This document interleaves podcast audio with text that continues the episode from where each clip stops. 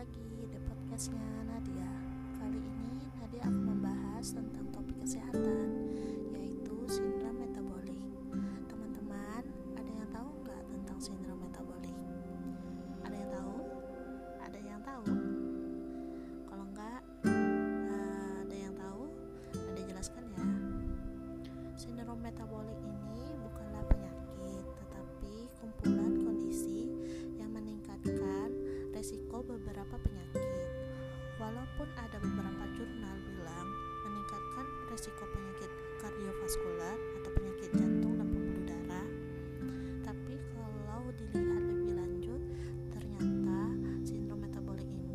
bisa mempengaruhi beberapa penyakit lain.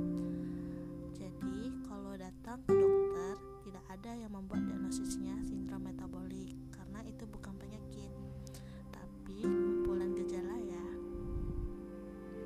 Apa aja kriteria seseorang masuk ke sindrom metabolik? Yang pertama, obesitas abdominal.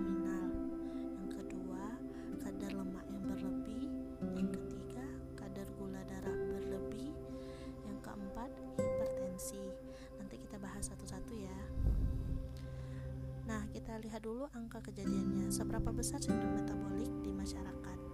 Pada artikel review Sandra dari Fakultas Kedokteran Universitas Lampung tentang sindrom metabolik, sindrom metabolik di dunia sebesar 20 sampai 25 persen. Kalau dari hasil penelitian dari Framingham Offspring Study, responden usia 26 tahun sampai 82 tahun terdapat 29,4 persen pada pria dan 23,1 persen pada wanita yang menderita sindrom metabolik.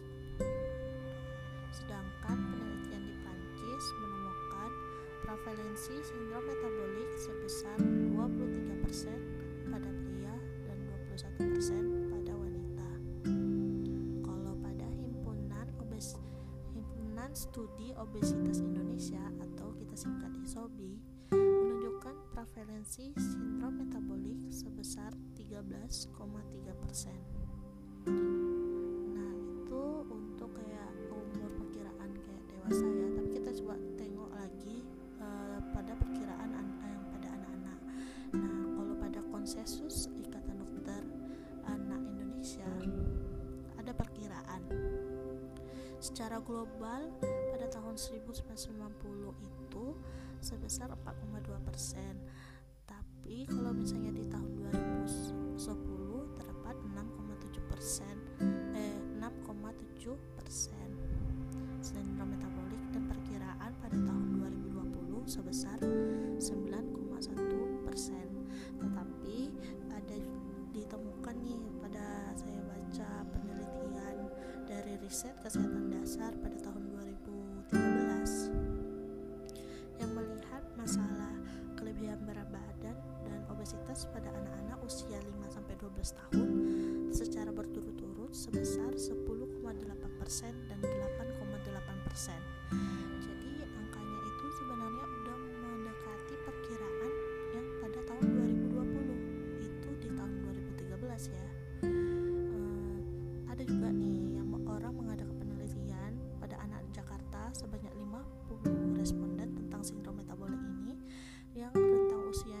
10-19 tahun terdapat sebesar 34% eh, yang mengalami sindrom metabolik. Besar angkanya ya. Sedangkan kalau di Manado yang mengalami sindrom metabolik yang melihat respondennya itu pada rentang umur 10-14 tahun terdapat 23% angka ini lebih rendah yang yang tadi terdapat di Jakarta. Ini sebenarnya menjadi karena penyebaran penyakit eh, jantung dan pembuluh darah yang di masa depan kelompok usianya anak tersebut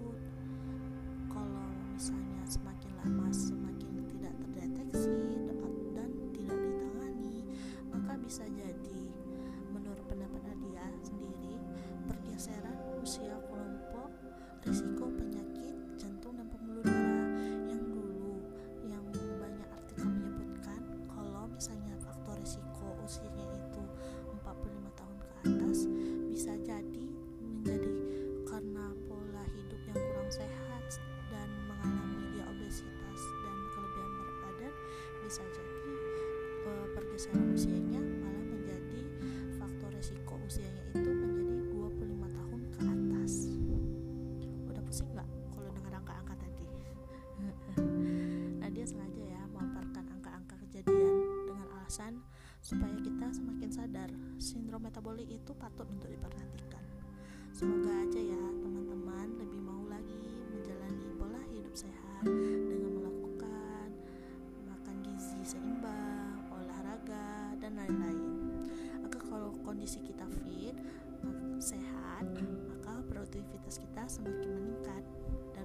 otomatis daya kerja kita meningkat pesat ada beberapa faktor risiko yang harus diperhatikan oleh kita. Pertama, riwayat orang tua penyakit jantung dan pembuluh darah atau di uh, salah satu orang tuanya mengalami penyakit kencing manis tipe 2. Yang dimaksud tipe 2 ini adalah uh, itu dia kencing manisnya itu didapat dari gaya hidup dia yang tidak sehat.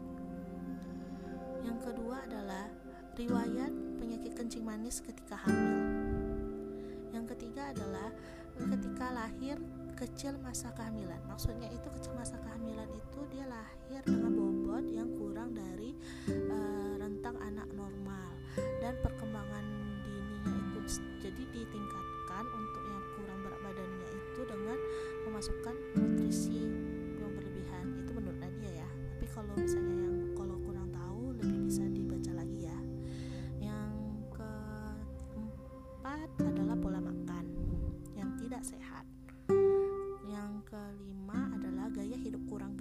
sedentary lifestyle. Oke, itu nama lainnya adalah kaum rebahan. Jadi Nadi juga termasuk juga sih senang-senang juga rebahan. Jadi kita kayaknya yang kaum rebahan harus banyak-banyak gerak deh ya. Gak boleh terlalu banyak rebahan.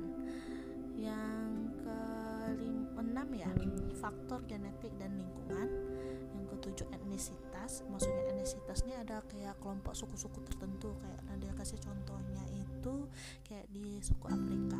Di suku Afrika itu ada budaya yang untuk pria-prianya untuk menarik perhatian wanita mereka harus mengemukkan dirinya.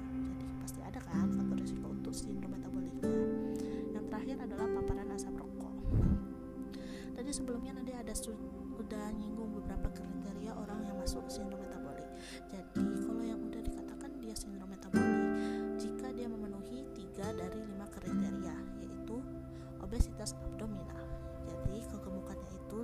berpusat di bagian perut. Jadi pada pengukurannya nanti uh, pakai meteran ya. Pada lingkar perut pria itu sebesar lebih dari 102 cm sedangkan pada wanita lebih dari 88 cm yang kedua adalah kadar lemak yang berlebih.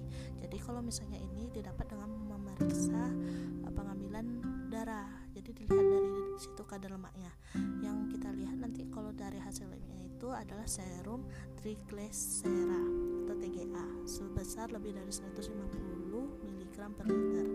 Selanjutnya kita lihat juga kadar HDLC nya kalau pada pria dia kurang dari 40 mg per liter sedangkan pada wanita dia kurang 50 mg per liter. Selanjutnya adalah gula darah puasa. Ini diambil pada saat kita belum ada di pagi hari makan apa-apa pemeriksaan darah juga. Jadi kalau misalnya sedang gula darah puasanya lebih dari 110 mg per liter jadi kemungkinan dia bisa aja kena penyakit kencing manis yang terakhir adalah tekanan darah. Tekanan darah ini didapatkan kalau misalnya lebih dari 130 per 85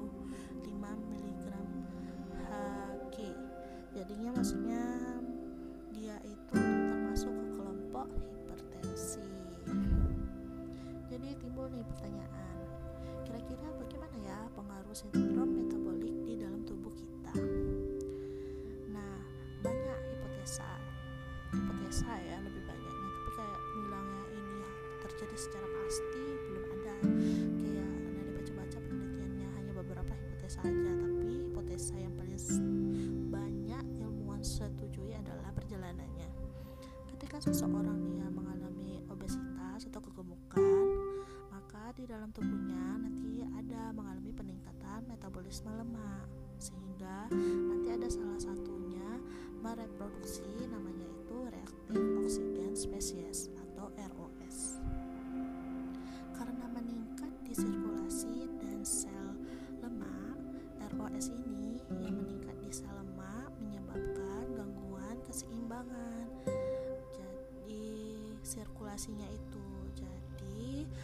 antioksidan di dalam tubuh bisa menurun.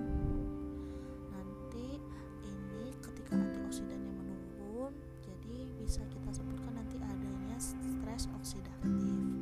Stres oksidatif ada pengaruhnya ke penyakit kencing manis. Karena kalau misalnya dia meningkat stres oksidatif ini dia akan menghambat pengambilan glukosa.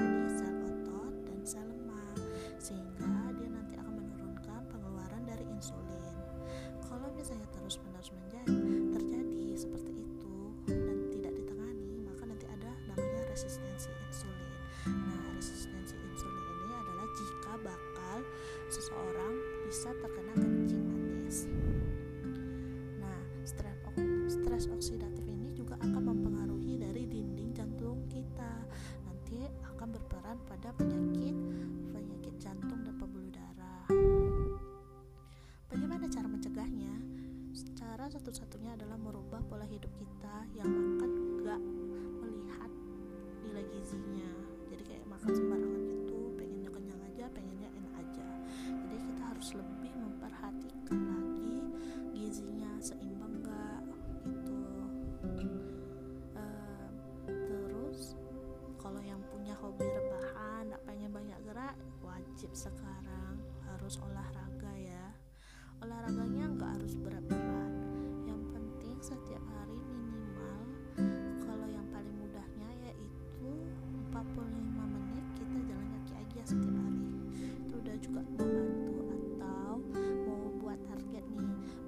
ada 10.000 langkah setiap hari.